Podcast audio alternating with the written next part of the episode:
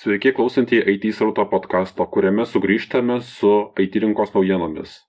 Šį kartą kalbėsime apie AUC sukurtas ausinės skirtas žaidimams, OnePlus Watch išmanųjį laikrodį, apie tai, kad neveikia kai kurios Android programėlės ir kad LG nebegamins išmanių telefonų. Taip pat apie įvykusį didelį Xiaomi produktų pristatymą pristatyta Qualcomm Snapdragon 780G procesorių, naujos Poco F3 ir Poco X3 Pro telefonas ir THX pristatyta ausinį stiprintuvą.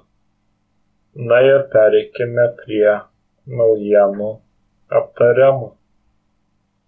Įvyko Xiaomi pristatymas kurio metu buvo pademonstruotas naujas Mi 11 Ultra telefonas, kuriame yra beveik viskas, ko galime norėti 2021 metais. Tai e, jisai turi Snapdragon 888 procesorių.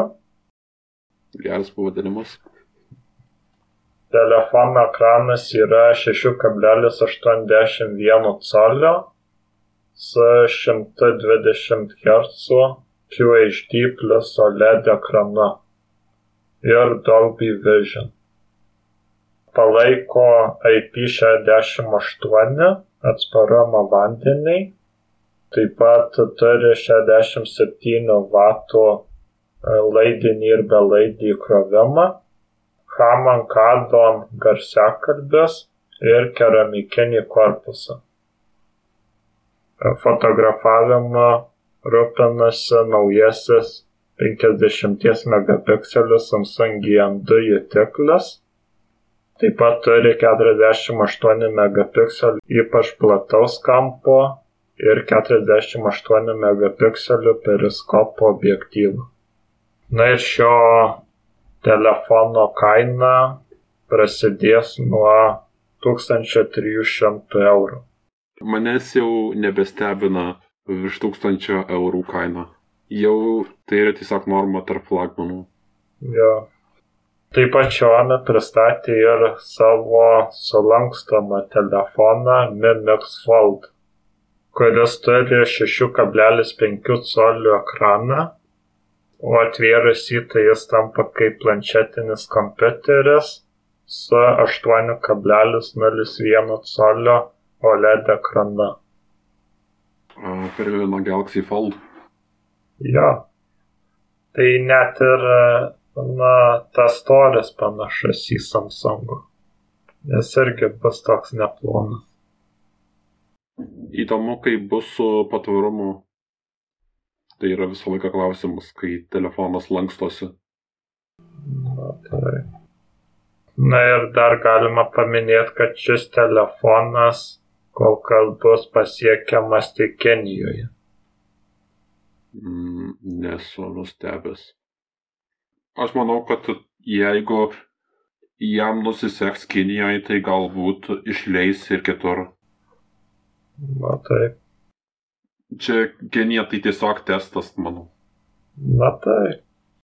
Šis telefonas taip pat turės aukščiausios klasės specifikacijas, tai e, jame bus Snapdragon 888 procesorius iki 16 GB operatyviosios atminties ir 512 GB vidinės atminties. Taip pat turės 5020 mAh bateriją ir fotoaparato sistemą su skysto objektyvu. Kaip skystas yra tas objektyvas?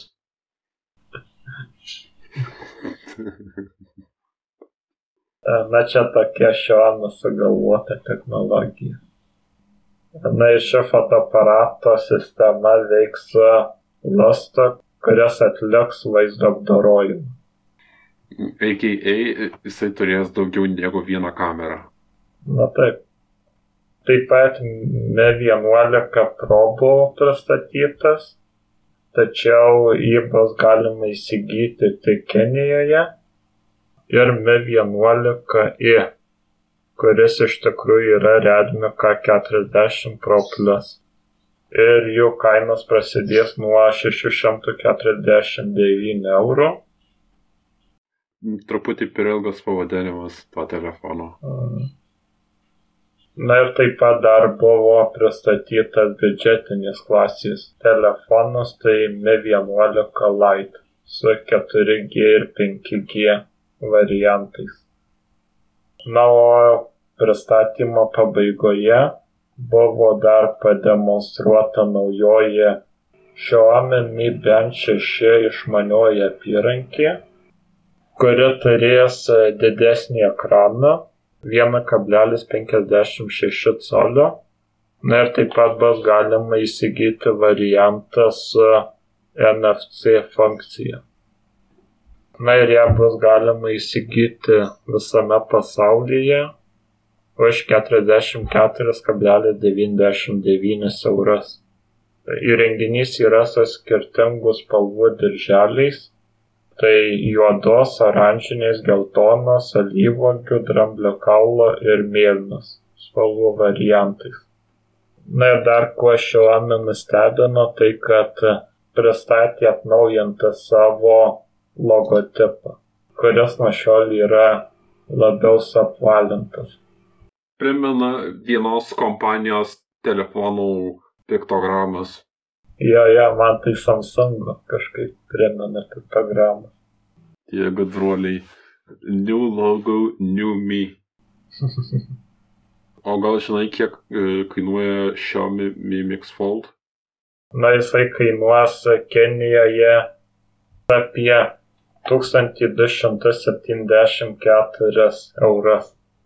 Tačiau ši kaina bus už 12 GB operatyviosios ir 256 GB vidinės atminties. Na, o jeigu norėsite įsigyti brangiausią variantą, kuriame yra keramikinė nugarėlė, ir 16 GB operatyviosios ir 512 vidinės atminties, tai jis kainuos net apie 1655 eurus. Na, iš tikrųjų, nemaža kaina. Na, taip. Šiaip dizainas jo tai panašus į Samsung. Jei, jeigu sudėti abu telefonus, tai vargu ar atskirtai gal. Gal tik tai kamera skiriasi kažkiek tai. Na, taip. Ganėtinai nelengva atskirti. Na, o kiti telefonai tai kažkokiu labai išskirtinių savybių tai ir neturi. Tiesiog buvo telefonų serijos atnaujinimas kaip ir Mi Band apyrankė nauja. Tai ko gero būtų apie šį renginį tiek. Kompanija AUC pristatė du ausinių modelius skirtus žaidimams - GH200 ir GH300, kurias bus galima įsigyti nuo gegužės mėnesio. GH200 yra stereo ausinės ir turi 3,5 mm garso jungtį, o brangesnis GH300 turi 7.1 virtualų erdvinį garsą ir jas bus galima prijungti prie kompiuterio per USB jungtį. Taip pat šios ausinės turi RGB šviesos efektus. GH200 kainuos 40 2 eurus ir 90 centų, o GH300 kainuos 55 eurus ir 90 centų. Na ir jos e, visai gerai turėtų izoliuoti iš išorės sklendantį triukšmą. Na, turėtų būti gana patogu, naudojantis ilgą laiką. Bet klausimas yra pačių ausinių surinkimo kokybė. Kiek aš žinau, EUC gamina monitorius. Jo. Na ir taip pat šias ausinės, kaip ir visas galima sakyti žaidimo ausinės, turi mikrofoną. Vėlgi tai būtų žaidimo ausinės, jeigu neturėtų mikrofono. Na taip. Na dar kažką turim pasakyti apie tai. Ne, neturiu. Na tai galim tada pereiti prie sekančias. Qualcomm pristatė savo naujausią aukščiausios klasės procesorių augančioje septintoje serijoje, tai Qualcomm Snapdragon 780G 5G. Na ir taip pat e, kartu su juo dar buvo pristatyti ir du truputį silpnesni procesorio variantai. Tai Snapdragon 765 ir 765G ir taip pat Snapdragon 750G variantai. Tai šie visi pristatyti procesoriai bus naudojami vidutinės klasės išmaniuosiuose telefonuose, kurie pasirodys šiuo metu antrąjį ketvirtį. Kaip sakė kompanija, Qualcomm 7 serijos tikslas - greitai pristatyti 8 serijos funkcijas prieinamesnėm kainom. Na, o trumpai apie kiekvieną procesorių, tai Snapdragon 780G buvo sukurtas naudojant 5 nanometrų gamybos, gamybos technologiją. Ši karta taip pat turi daug galingesnę Creo 670 procesoriaus procesoriaus sąrangą sukurtą iš keturių naujausių ARM Cortex A78 didelių procesoriaus branduolių ir keturių mažų Cortex A55 branduolių. Na ir nepaisant to perėjimas prie keturių branduoliu turėtų suteikti tai Snapdragon 780G turės Creo 678 branduolius, Adriano 642 vaizdo plokštė, palaikys 84 megapikselių kamerą, taip pat turės Snapdragon X53 5G LTE modemą. Na ir taip pat e, palaikys Bluetooth 5.2, Wi-Fi 6, Qualcomm aptX Suite ir Bluetooth LE audio. Ir greitų įkrovimu rūpinsis Qualcomm Charge 4 Na, o pristatyti kiti trys variantai, tai tiesiog bus apkarpytom specifikacijom. Na kaip tu manai, ar šie procesoriai bus populiarūs? Čia priklauso nuo gamintojų, kurie gamins telefonus.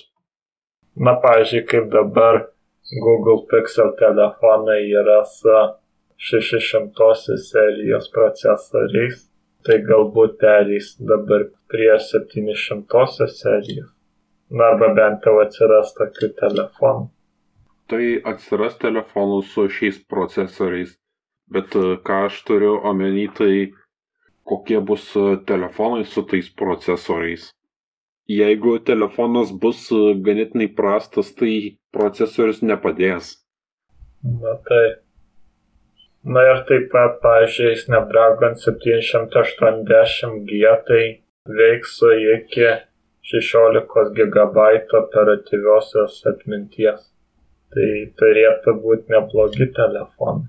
Bet aišku, na, kaina bus gal irgi didoka jų. Na, šį telefoną turės savo kainą. Na taip, na kas negalės įpirkti 800 serijos procesorių, tai galės rengti šios. Toks jausmas, kad vartotojai pirks procesorius, man taip netrodo tai gamintojai juos pirks. O kokie pigus bus telefonai priklauso nuo telefonų gamintojų. Na, o pirmieji telefonai su šiuo procesoriu turėtų pasirodyti jau ateinančiais mėnesiais. Tai jie jau taip arti. Tai jo, jau, jau juos pradėjo gaminti. Mm, gamintojai, vadinasi, turėjo tuos procesorius anksčiau negu Qualcomm pranešė apie juos. Na tai taip, jau iš anksčiau jau prisigamino jau. Jau manau, telefonų kurie jau juos net ir turi jau galbūt. Mm, Negirdėjau dar apie telefonus su naujaisiais procesoriais. Gamyklose dar tiesiog. Esu tikras, kad e, kokie pavyzdžiui Samsung inžinieriai žino, kokie telefonai turės šitas procesorius. Na taip. Neseniai OnePlus išleido naująjį savo išmanų laikrodį OnePlus Watch. Šis laikrodis bus e, trijų spalvų vidurnakčio juodos, mėnesienos sidabrinės ir riboto leidimo tamsiai žalios cobalt spalvos.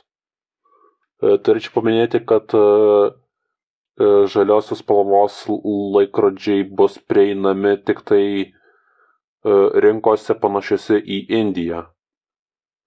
Šis laikrodis turės Bluetooth 5.0 IP68 ir 5 ATM reitingus, ką reiškia, kad jis bus atsparus vandeniui ir dulkėms. OnePlus teigia, kad šis laikrodis sugebės ištverti 14 dienų kasdieninio naudojimo. Jo, ir 25 valandas naudojant su GPS. Šis naujasis laikrodis kainuos 159 eurus.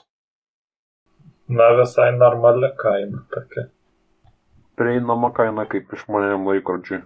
Na taip, na ir baterija visai gera tokia. Ilgai veikia. Dar ką galima būtų paminėti, kad e, su 20 minučių įkrovimo juo galima naudoti 7 dienas. Mm. Na ir aišku, šis laikrodis turi ir įkroviklį. Mm, būčiau nustebęs, jeigu neturėtų.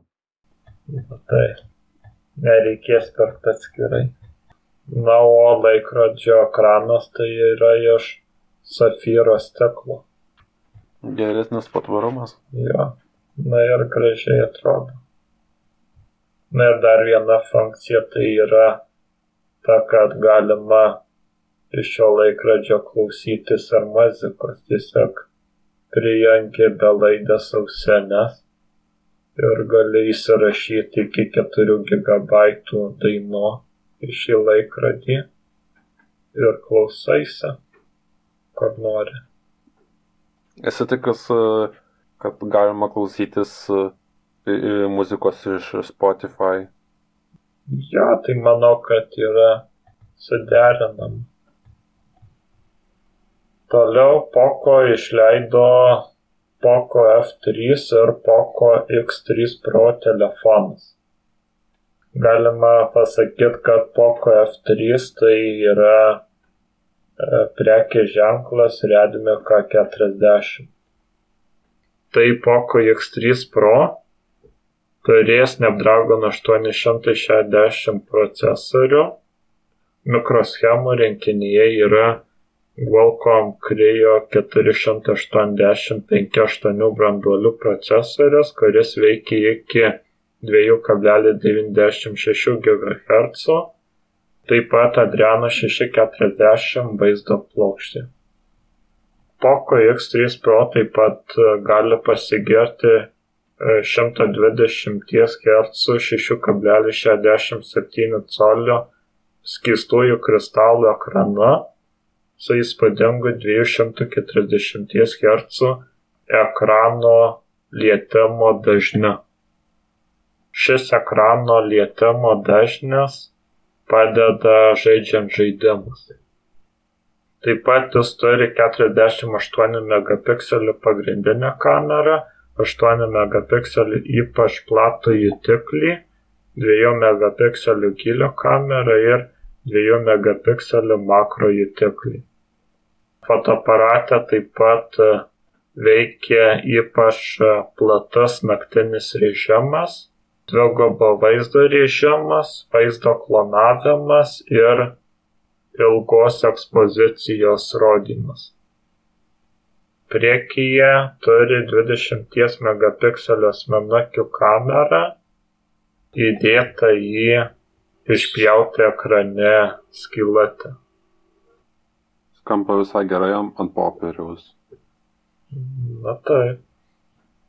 Na, o jo baterija bus 5160 mAh, palaikys 33 W greitį įkrovimą su 33 W įkrovikliu, turės dar 3,5 mm ausinį lizdą ir palaikys dvi SIM korteles. Gerai, kad bent jau 3,5 mm ausinį jungtį turės. Na tai. Nes kai kurie telefonai tai iš viso neturi. Greta Poco X3 Pro bendrovė taip pat pristatė ir Poco F3. Tai šis telefonas tiesioginė to žodžio prasme yra Poco Phone F1 įpėdinis. Dėl to ir vadinasi Poco. Na tai. Na ir kompanija kurdama šį telefoną daugiausiai dėmesio skyrė jo našumai ir kad būtų prieinamas už gerą kainą. Tai šiame telefone veiks Snapdragon 870 procesorius su 8 GB operatyviosios atminties, 6,67 colių AMOLED ekranas su 120 Hz atnaujinimo dažniu ir Corning Gorilla Glass 5 apsauga. Trigubą kamerų rinkinį sudaro 48 megapikselių pagrindinė, 8 megapikselių įtim plataus ir 5 megapikselių telemakro. Telefono priekyje yra 20 megapikselių asmenukių kamera. Poco F3 baterija yra šiek tiek mažesnė nei X3 Pro, turintis 4520 mAh. Jis taip pat palaiko 33 W greitį įkrovimą su dėžėje esančiu 33 W įkrovikliu. Ir dar su įkrovikliu, čia tai nuostabu. Taip. Na, o kalbant apie kainas ir prieinamumą, tai Poco X3 Pro bus galima rinktis iš Phantom Black, Frost Blue ir Metal Bronze spalvų. Tuo tarpu Poco F3 gauna Arctis White, Night Black ir Deep Queen Blue spalvų variantas. X Pro siūlo puikų kainos ir kokybės santykio pasiūlymą, jo 6 GB operatyviosios ir 128 GB vidinės atminties kaina yra 249 eurai, tačiau iš anksto užsisakęs šis telefonas kainuos tik 199 eurus tai sutaupysite beveik 100 eurų. Tuo tarpu 8 GB operatyviosios ir 256 GB vidinės atminties variantas kainuoja 299 euras, o užsisakius jį iš anksto mokėsite 249 eurus. Tuo tarpu kitas Poco F3 telefonas yra šiek tiek brangesnis. Jo kaina prasideda nuo 349 eurų už 6 GB operatyviosios ir 128 GB vidinės atminties modelį. Tačiau užsisakęs vėlgi iš anksto, jo kaina bus 299 eurų telefonas su 8 GB operatyviosios ir 256 GB vidinės atminties kaina prasideda nuo 399 eurų, o užsisakius iš anksto kaina bus 349 eurai. Laukiu, nesulaukiu tų biudžetinių telefonų. Na čia Pocophone telefonų toks atnaujinimas. Na, bet tie telefonai visai geri buvo, kaip už tokią kainą. Na, taip. Šiais laikais pigus telefonai yra geresni negu kada nors anksčiau. Na, taip. Pavyzdžiui, už kokį šimtą eurų gali nusipirkti kur kas geresnį telefoną negu už tą patį šimtą eurų būtai nusipirkęs telefoną prieš kokius kelis metus. Na, rekomenduotum šį telefoną? Specifikacijos tai visai geros, tačiau aš niekada nerekomenduoju laukti kokio nors telefono. Naujas telefonas yra išleidžiamas kasdieną jeigu visą laiką lauksi tam tikro telefono, tai taip ir niekada nenusipirksi. Na, nebent turit savo mėgstamą prekį ženklą. Tikiuosi, kad tas mėgstamas prekį ženklas nėra, pavyzdžiui, koks nors Samsung, kur išleidžia to pačio modelio gal tris versijas. Jo, jo. Na, jeigu kas nori turėti kiekvieną kartą vis naujausią telefoną, tai su Samsung reiktų nemažai išleisti pinigų. Čia būtų per švelniai pasakyta. Na ir tada prateskime. Android System WebView dėka kai kuriam naudotojam neveikia kai kurios programėlės, įskaitant Google, Gmail ir Yahoo. Jeigu jums neveikia kai kurios programėlės, patarimas yra išdėkti Android System WebView arba jį tiesiog atsinaujinti. Na ir kiek girdėjau, telefonų naudotojai susidūrę su šia problema pagalvojo, kad jų telefonas sugedo. Manau, ne visi tai pagalvojo. Naudotojai, kurie savo telefonus žino kur kas geriau, tai jie suprato iš karto, kad e, telefonas tikrai nesugedo. Na taip.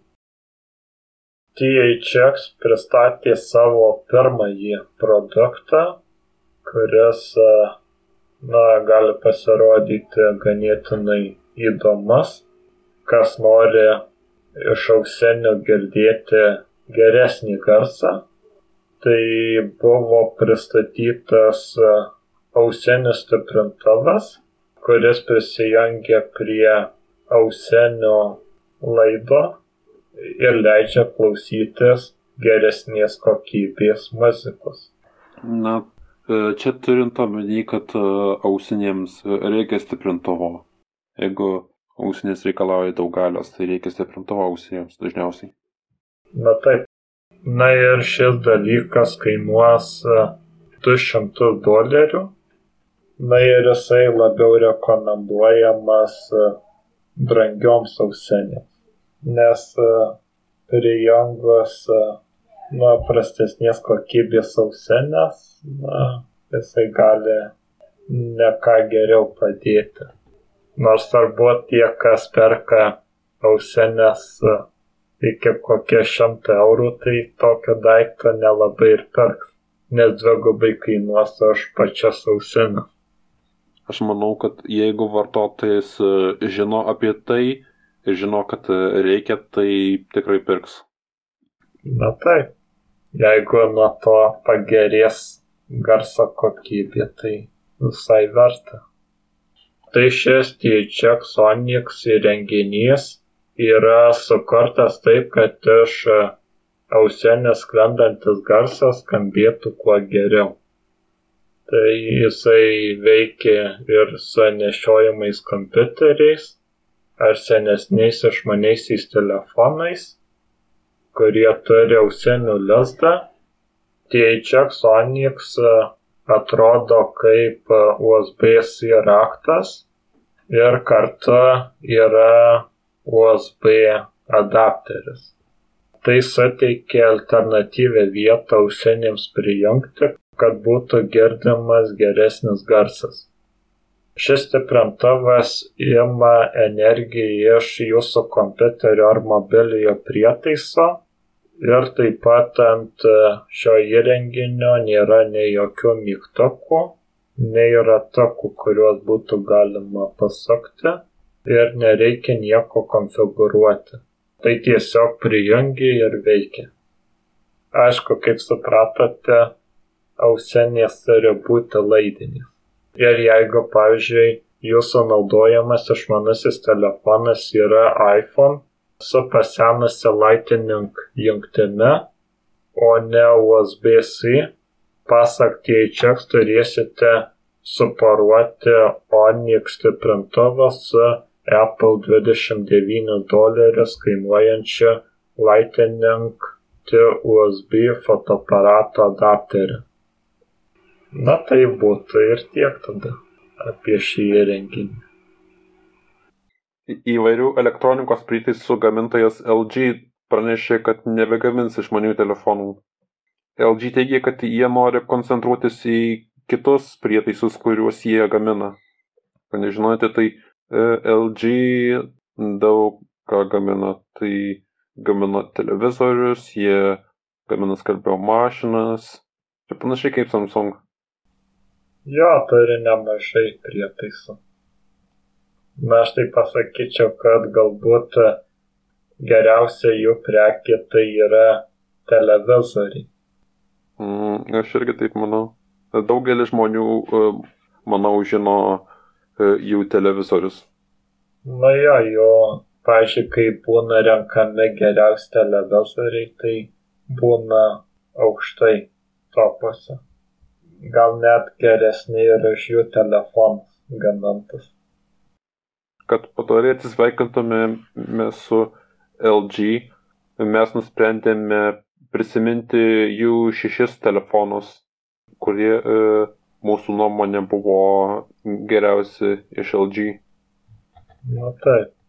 Na tai galima pradėti tada nuo pat pradžių. Tai 2013-aisiais buvo pristatytas LG G2, kurį dar vadino Optimus G.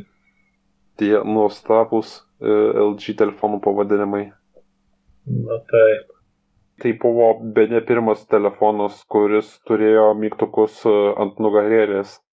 Jo, ir dar prisimenant e, specifikacijas, tai jame veikė Snapdragon 800 ir turėjo 2 GB operatyviosios atminties. Na, o jį galima palyginti su Galaxy S4. E, kuris turėjo mažesnę bateriją negu LG G2.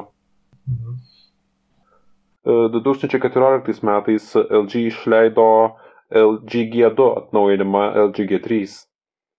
Šis telefonas pasižymėjo to, kad LG su juom pristatė keletą naujų funkcijų ir taip pat, kad jis turėjo Quad HD ekraną. 2014 metais šis telefonas konkuravo su Samsung Galaxy S5 ir Google Nexus 6. Na, tiem metam tai visai neblogas telefonas. Nexus 6 tai buvo ganėtinai didelis telefonas. Šitas e, yra kur kas mažesnis.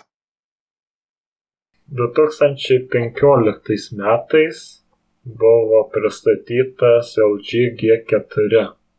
Tai be ne didžiausias patobulinimas nuo G4 tai buvo tas, kad e, kai kurie variantai turėjo odinę nugarėlę. Aš atsimenu šitą. Na, o paskui nuo šio telefono tai nukopijavo Huawei, Oppo ir Vivo. Mm, aš manau, kad e, tai yra geras dalykas nukopijuoti. Mhm. Turėčiau paminėti, kad LG G4 turėjo vieną rimtą problemą. Na kokią? Jis pastoviai persikrodavo be jokios rimtos priežasties ir to kaltininkas buvo e, procesorius, kuris nebuvo tinkamai prilietuotas. Na jo.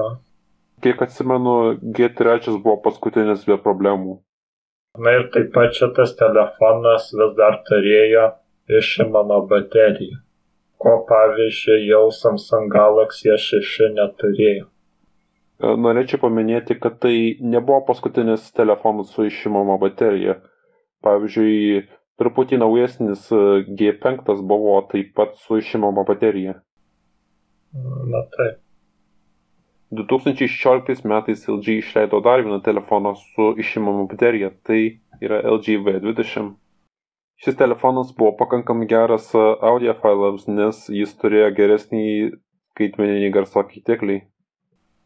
Na taip, na ir pirmasis LG telefonas, kuris tai turėjo. Na taip. Ir taip pat jis turėjo du ekranus. Vienas ekranas buvo virš pagrindinio ekrano. Jis turėjo labai gerą funkciją, kur tu negali niekam paskambinti. Tai labai gerą persikrovimo funkciją. Ir tai nėra paskutinis telefonas, kuris tai turėjo. 2017 metais buvo pristatytas LG G6 telefonas, kuris pasirodė po LG G5 nesėkmės su fotoaparatais ir modulinio dizainu. Tačiau pasirodęs G6 suteikė vilties, kad gali pasitaisyti.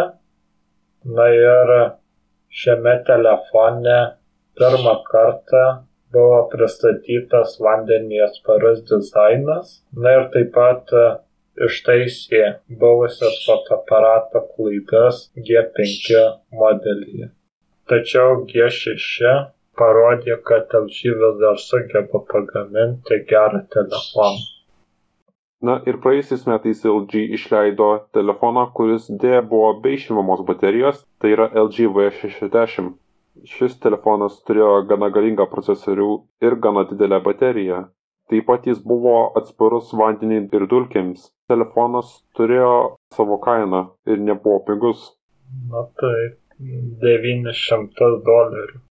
Kaip ir sakiau, jis turėjo savo kainą. Norėčiau paminėti, kad šis telefonas turi naujausią Android 11 versiją. Jo, ir dar gaus atnaujinimus. Na ir taip pat LG gamino ir ne tik savo telefonus. Tai pavyzdžiui, buvo išleisti tokie telefonai Nexus 4, Nexus 5 ir Nexus 5X. Na, nors LG juos ir gamino, tačiau pardavinėjo Google. Na ir manau būtų tiek apie LG. Jo, RIP LG. Na, dar galima paminėti, kad jeigu turite LG telefoną neseniai pirktą, tai dar gali tikėtis gauti atnaujinimus. Bet nedaug modelių, gal tik tai kokiem penkiem ar keturiem modeliam. Tačiau vis geriau negu nieko. Na taip. Na lyg tai dar iki Android 13 gaus atnaujinimą. Na, o šiam kartui buvo tiek naujienų. Jei patiko tai, ką klausėte, tai prašome dalintis, komentuoti, prenumeruoti ir sekti mūsų socialinėme tinkle Twitter. Čia buvo IT srautas, iki kito karto.